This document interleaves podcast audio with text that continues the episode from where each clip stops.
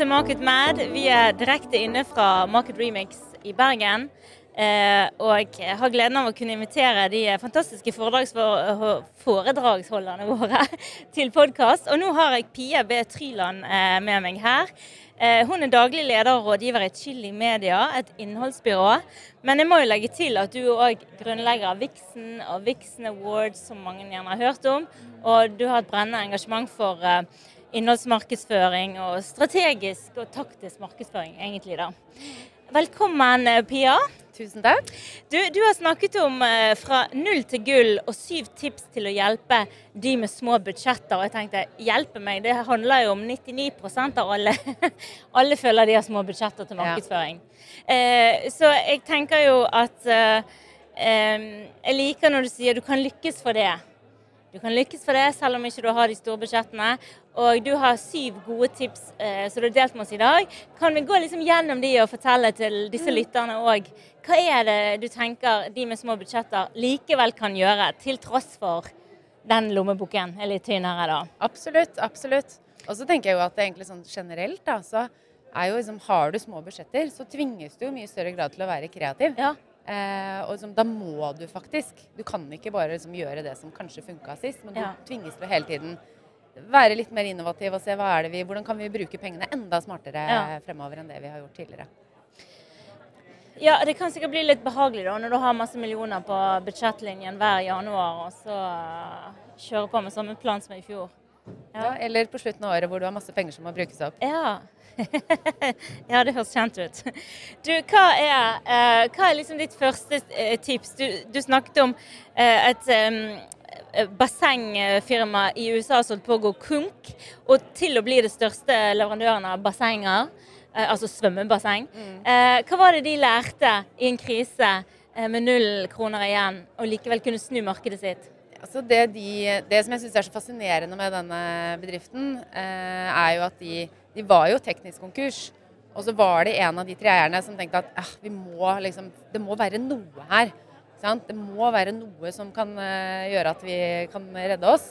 Eh, og når ideen hans da var å egentlig bare sette seg ned og tenke ut hva er det egentlig alle kundene våre i løpet av de syv årene han hadde jobbet der, har spurt om, mm. og svare på det eh, gjennom både video og tekst, og, og være supertransparent. Ja. Ikke noe selgende tekster i det hele tatt. Mer sånn OK, dere lurer på eh, liksom, eh, fordeler og ulemper med glassfiber svømmebasseng, da, som er ja. det de driver med.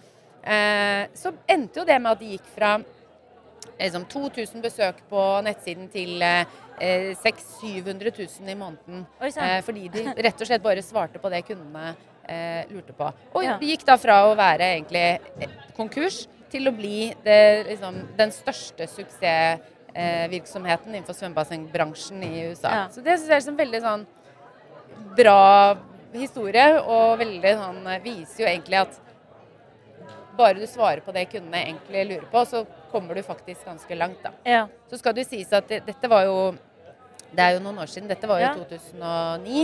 Verden var ikke så digital Nei, ikke sant. Så det var jo helt i starten, og det var jo ingen av konkurrentene deres som heller hadde på en måte tatt den posisjonen. Ja. Men jeg mener jo allikevel at det er ganske relevant, fordi at i dag er det veldig mange som lager mye innhold, men det er veldig mange som lager dårlig innhold. Ja. Så det er faktisk mulig allikevel å klare å lage bedre innhold, særlig innhold som rangerer da bedre i søk. Enten ja. det er på en måte videosøk eller eh, tekstsøk. Ja.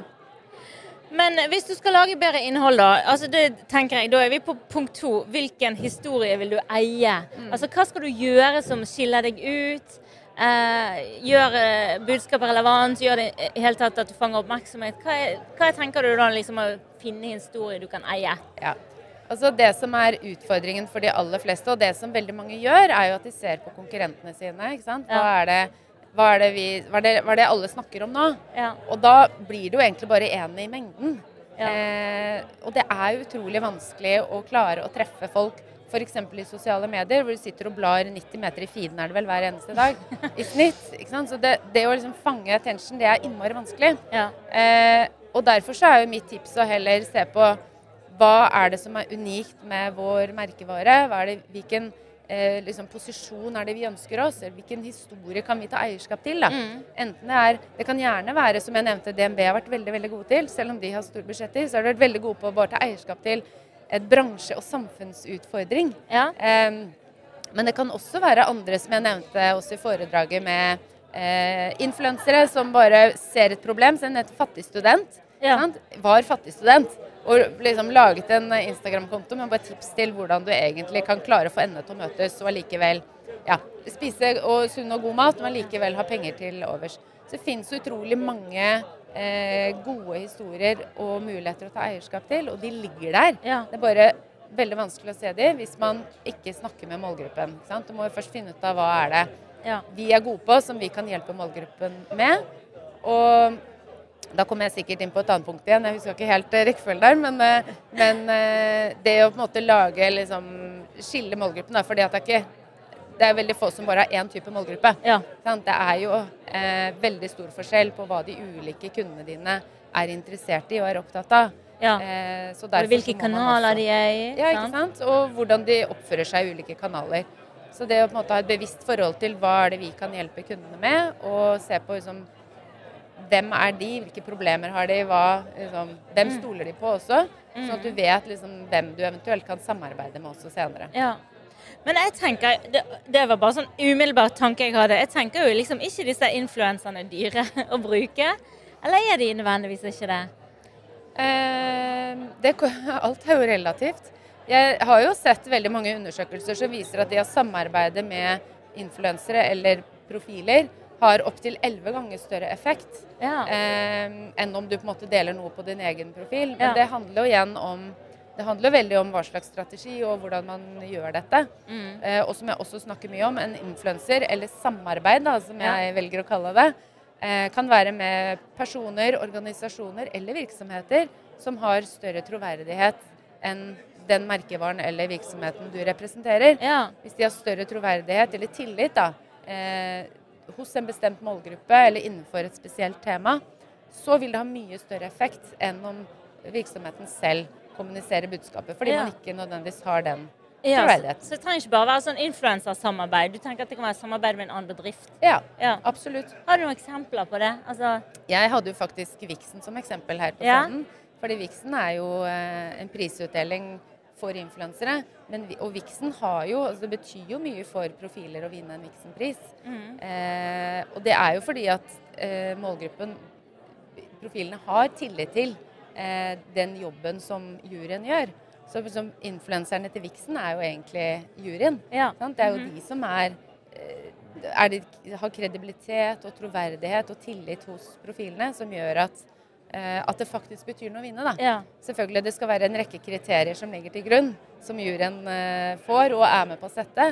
Men det er jo fordi at de i kraft av den posisjonen de har, og den troverdige rollen de har overfor både media og profiler, Mm. eh, gjør at det, at det blir verdt noe da, Ja. å vinne en pris.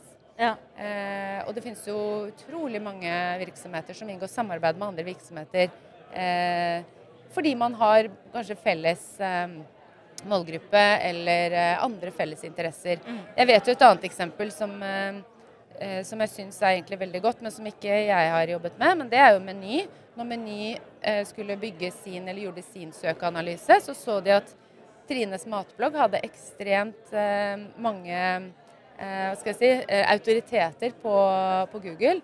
Ja. Og valgte jo da å inngå samarbeid med henne. For de så Ja. at de historiene Meny hadde lyst til å ha eierskap til, hadde Trine Sandberg Ja. Nei, altså, Hun hadde autoritet innenfor de samtalene. Ja, og de, de inngikk da samarbeid hvor du kunne da liksom lese oppskriftene hos henne og handle maten ja. hos henne. Klikk og bestille. Det var jo basert på søkeanalyse og et strategisk eh, innsiktsarbeid. Ja. ja. Det er veldig gøy, tenker jeg. Og så sier du um, uh, gjenbruk. Det er jo ingenting som er billigere enn gjenbruk. Altså når vi snakker om små budsjetter. Hva, det, hva tenker du er god gjenbruk? Hvordan gjør man det? Um, jeg tenker at det, det viktigste uh, er um, altså Hvis du liksom tar to skritt tilbake, da, så mener jeg at uh, hvis du liksom lurer på hvor du skal publisere noe innhold, om det skal være sosiale medier eller eh, din egen nettside, så ville jeg alltid valgt min egen nettside først. Ja. For det er den du har eierskap til. Mm. Sosiale medier kommer og går. Sant? Og det, er ikke no, det, det kan bli borte, eller de, de eh, rammebetingelsene kan endre seg. Og når du da, Hvis du har bygget opp innhold på din egen nettside som er basert på hva målgruppen din søker på, Ja. Ehm, og hvilke historier du ønsker å ta eierskap til, så anbefaler jeg altså Veldig ofte så ser jeg at det, eh, det innholdet man har laget, da, blir Mm. fort litt sånn glemt. Eh, og får litt sånn error. Det ligger ikke der. Ikke sant? Ja. Så sikre at liksom alle internlenker i artikler, at artikler og alt annet innhold er oppdatert. Ja. Eh, og det finnes jo verktøy som faktisk kan si hvordan du rangerer, eh, og hva du bør forbedre. Ikke sant? Skal du gjøre den f.eks. kortere fordi den er for lang og veldig Ja. mange leser bare halve. Altså det er veldig mange sånne elementer som man kan gjøre noe med. da. Mm. Så derfor så anbefaler vi våre kunder å liksom, ta en gjennomgang av det du har først. Oppdater det, og behold URL-ene for å få med historikken. Mm. Eh, og så kan du se hva er det vi trenger å rangere bedre på. Hvilke Mm. historier er det vi ønsker å ha eierskap til, og Ja. ha en autoritet på, på Og heve de lenger opp. Og heve liksom. de. Og da er det mye enklere å på en måte se hva man skal prioritere også. Ja. Men du, et lite sånt spørsmål om det. Når du da eh, gjenbruker noe du har skrevet gjerne i fjor eller forfjor, endrer du datoen? Eh, må man ha dato, tenker jeg. Ja. Det er, eh, hvis det er noe som på en måte er evigvarende, så trenger man ikke nødvendigvis å ha dato. Nei.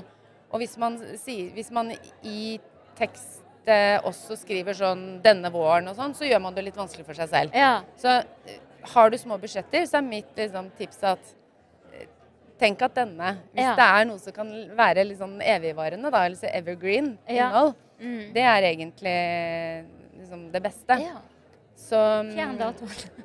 ja, Fjern. datoen. dato. Så, nei, hvis ikke så kan man eh, selvfølgelig Det er jo veldig bra å, å oppdatere og ha mer innhold.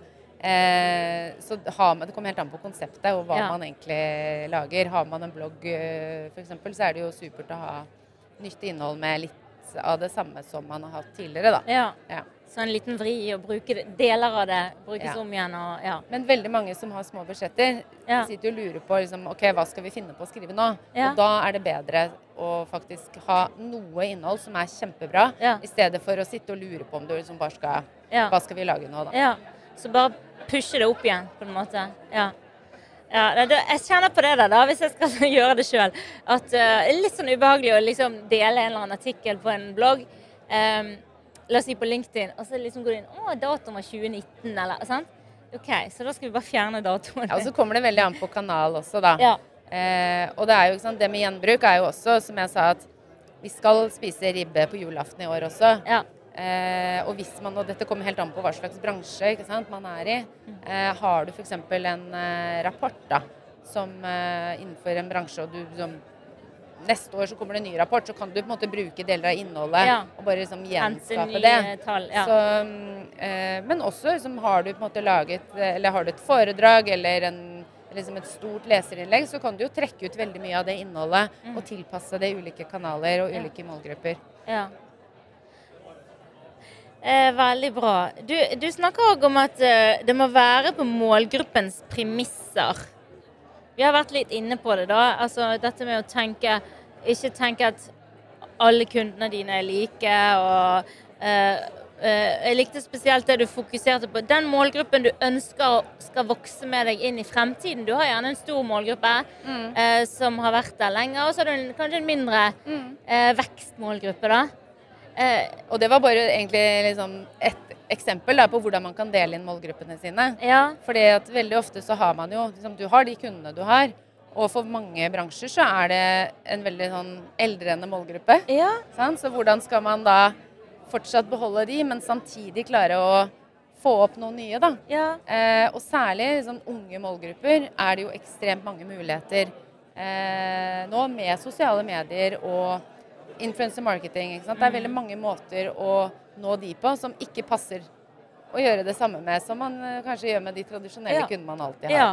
Jeg er helt enig. Men jeg tror òg at vi får eldrende målgrupper, da. Fordi at vi kjører på samme oppskrift som i fjor, eller i forfjor. At du eh, tenker at markedsføringen som du gjorde før, gjør du igjen. Eh, og dermed så kan det være at du bare appellerer til de som likte Facebook, eller altså, sant? Ja. Det som var. Og så plutselig sitter du med litt sånn Gamlis målgruppe. Fordi at markedsføringsstrategien har heller ikke endret seg så veldig, da. Ja? Nei, og det er også det jeg syns er utrolig viktig å, å, ta tak i. Det med på målgruppens premisser handler jo også om å være til stede eh, i de kanalene målgruppene dine er i. Ja. For å kunne forstå eh, liksom, hva som rører seg. Og akkurat nå, veldig ofte så lager man planer eh, som er enten det er tre måneders planer eller et halvtårsplaner eller Ja. Månedsplaner for den saks skyld. Ja. Og hvis man ikke følger med på hva det egentlig som skjer nå, så går man glipp av så utrolig mye Ja. bra. Altså, det har Eh, skjedd mye på tre måneder og seks måneder. ja, og det skjer jo veldig mye bare på hvis du bare følger med de kanalene kundene dine er i også. Ja. Og det tror jeg at eh, ikke sant? De unge, egentlig både sånn millennials-generasjonen, eller de som er under 40, og generasjon Z, har jo et sånt slags bullshit-filter. Mm -hmm. De ser noe annet enn De har vokst opp med Ja. internett og sosiale medier på en helt annen måte enn den eldre målgruppen. Ja. Så de liksom finner Der må du være mye mer transparent Ja. og åpen og ærlig og liksom Mm. være mye mer autentisk, da. Ja. Og det er jo en av de grunnene til at veldig mange influensere eller profiler også klarer å vokse, fordi at de er seg sjæl. Ja. Og det er mye lettere å være seg sjæl enn å være noen andre. ja, og du Det- er veldig enig. Og så er det mye lettere å si 'jeg tror på deg', fordi du er eh, eh, ekte og ærlig. sant? Ja. Og det, derfor så er jo min oppfordring til eh, bedrifter og merkevarer å være mye mer personlig og liksom by Mm. mer på seg selv i både egne kanaler og sosiale medier. Og Ja. liksom, da får du mye bedre relasjon også med kundene. Ja. Eh, Så hadde du et punkt seks som du kalte for langsiktighet. Altså det å tenke langsiktig. Men du sier litt det motsatte her òg, da. Med at, eller jeg vet ikke om det er motsatt. Det at ting endrer seg veldig fort. Men langsiktigheten, er det, er det mer eh, Ja, for det, det langsiktige her handler om egentlig de langsiktige målene. Det er jo veldig mange som tenker at um, eh, du skal ha en kampanje, og skal du se kortsiktig effekt. Ja. Og med de tipsene som jeg kom med på scenen i dag, så må du ha eh, langsiktighet når det kommer til måling. Fordi at eh, du kan på kort sikt kan du måle et innholdsmål. Ja. Det kan være eh, engasjement og hvor mange du har nådd ut til og, og den type ting. Men de ordentlige liksom, eh, businessmålene, det bør være et langsiktig perspektiv. Ja. Det, det er jo fordi at det tar tid å endre folks vaner. Mm. Hvis du f.eks. lager en podkast, da, eller har en, eh, en, en liksom, konsept i en, eh, et sosialt medie, eller har et nettmagasin, ikke sant? så tar det tid å få folk til å være oppmerksom på det. Ja. Og Google eller andre søkemotorer bruker også tid på å på en måte kartlegge hvordan er dette innholdet her. Ja. Eh, hvordan skal dette rangere? Mm. Og det er jo basert på hvordan folk oppfører seg når de søker ikke sant? og Ja. besøker siden. Er det som en side som folk velger, Mm. eh, og som har autoritet, eller er det som, går folk fort ut igjen og, og søker på nytt? Ja. Ikke sant? Så det, den delen er eh, langsiktig. Ja. ja.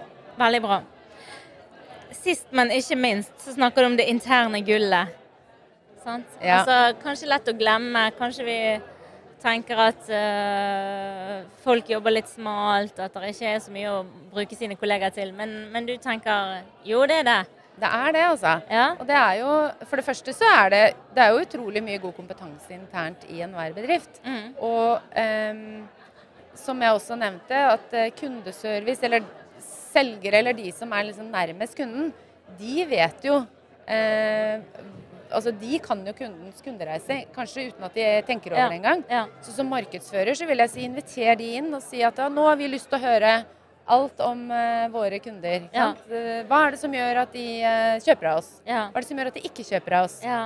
Hva spør de om når de ringer? Ja, ikke sant? Hvilke spørsmål har de? Mm. Uh, så det tenker jeg er en del av det. Og det andre er jo da også involvering overfor ledelsen. Fordi innholdsmarkedsføring, definert som en sånn langsiktig fagdisiplin, da, sant? handler jo om å skape og distribuere relevant og verdifullt innhold mot en konkret målgruppe. Ja. Og det tar tid.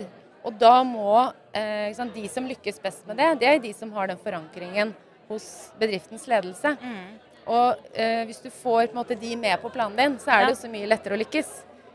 Hvis de etter seks måneder ser at her er det jo ikke noen resultater, vi må gjøre noe annet, så er det innmari synd. Mm. Eh, Men derimot, hvis de er med da og ser ja, resultatene altså, da tenker jeg at du kan få mer budsjetter Ja, når de ser sant? at dette funker. ja, Ja, og det siste er jo da eh, produktekspertene, Ja. hvis man har det. Ja. Sant? det. Alle virksomheter har det, håper Ja. jeg.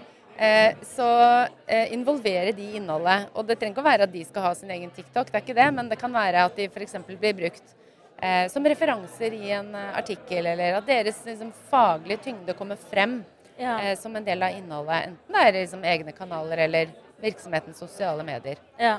Og um, De er jo gode kilder òg, tenker er jeg. Selv om ikke de må frontes. sant? De er kjempegode kilder. Ja. Eh, og så er det veldig forskjell på bransjer, men noen fageksperter er jo veldig fageksperter og veldig redd for å dele. Men eh, jeg tenker at det, liksom, det der er en sånn prosess som man bare må jobbe med. Eh, så samla sett tenker jeg at det å involvere internt gjør jo at du på en måte både får eh, Markedsavdelingen får en større heiing òg, Ja. og større forståelse for det faget. Ja. Eh, og så blir det større engasjement og kanskje bedre samhold også. ja. Altså, det høres ut som en god taktikk på andre ting òg her. Ja. Um, hvis jeg bare skal oppsummere disse syv punktene dine, da. Pia, sånn helt til slutt. Syv tips til små bedrifter som har litt, litt små markedsbudsjett foreløpig. De blir større etter hvert. De blir større. Sant? Svar på kundens spørsmål. Velg en historie du vil fortelle. Eie en historie. Kanskje den skal være litt smal. Sant? Dette går mye på posisjonering. Gjenbruk. Bruk det du har fra før. Ta vekk datoen. um, gjør det på målgruppens premisser. Samarbeid med andre, influensere eller andre bedrifter. Tenk langsiktig, og bruk det interne gullet. Og da får du større budsjetter. Yes. Veldig bra oppsummert. ja. Du, dette var veldig hyggelig. Tusen Ja. takk for praten, Bea. Du, likeså.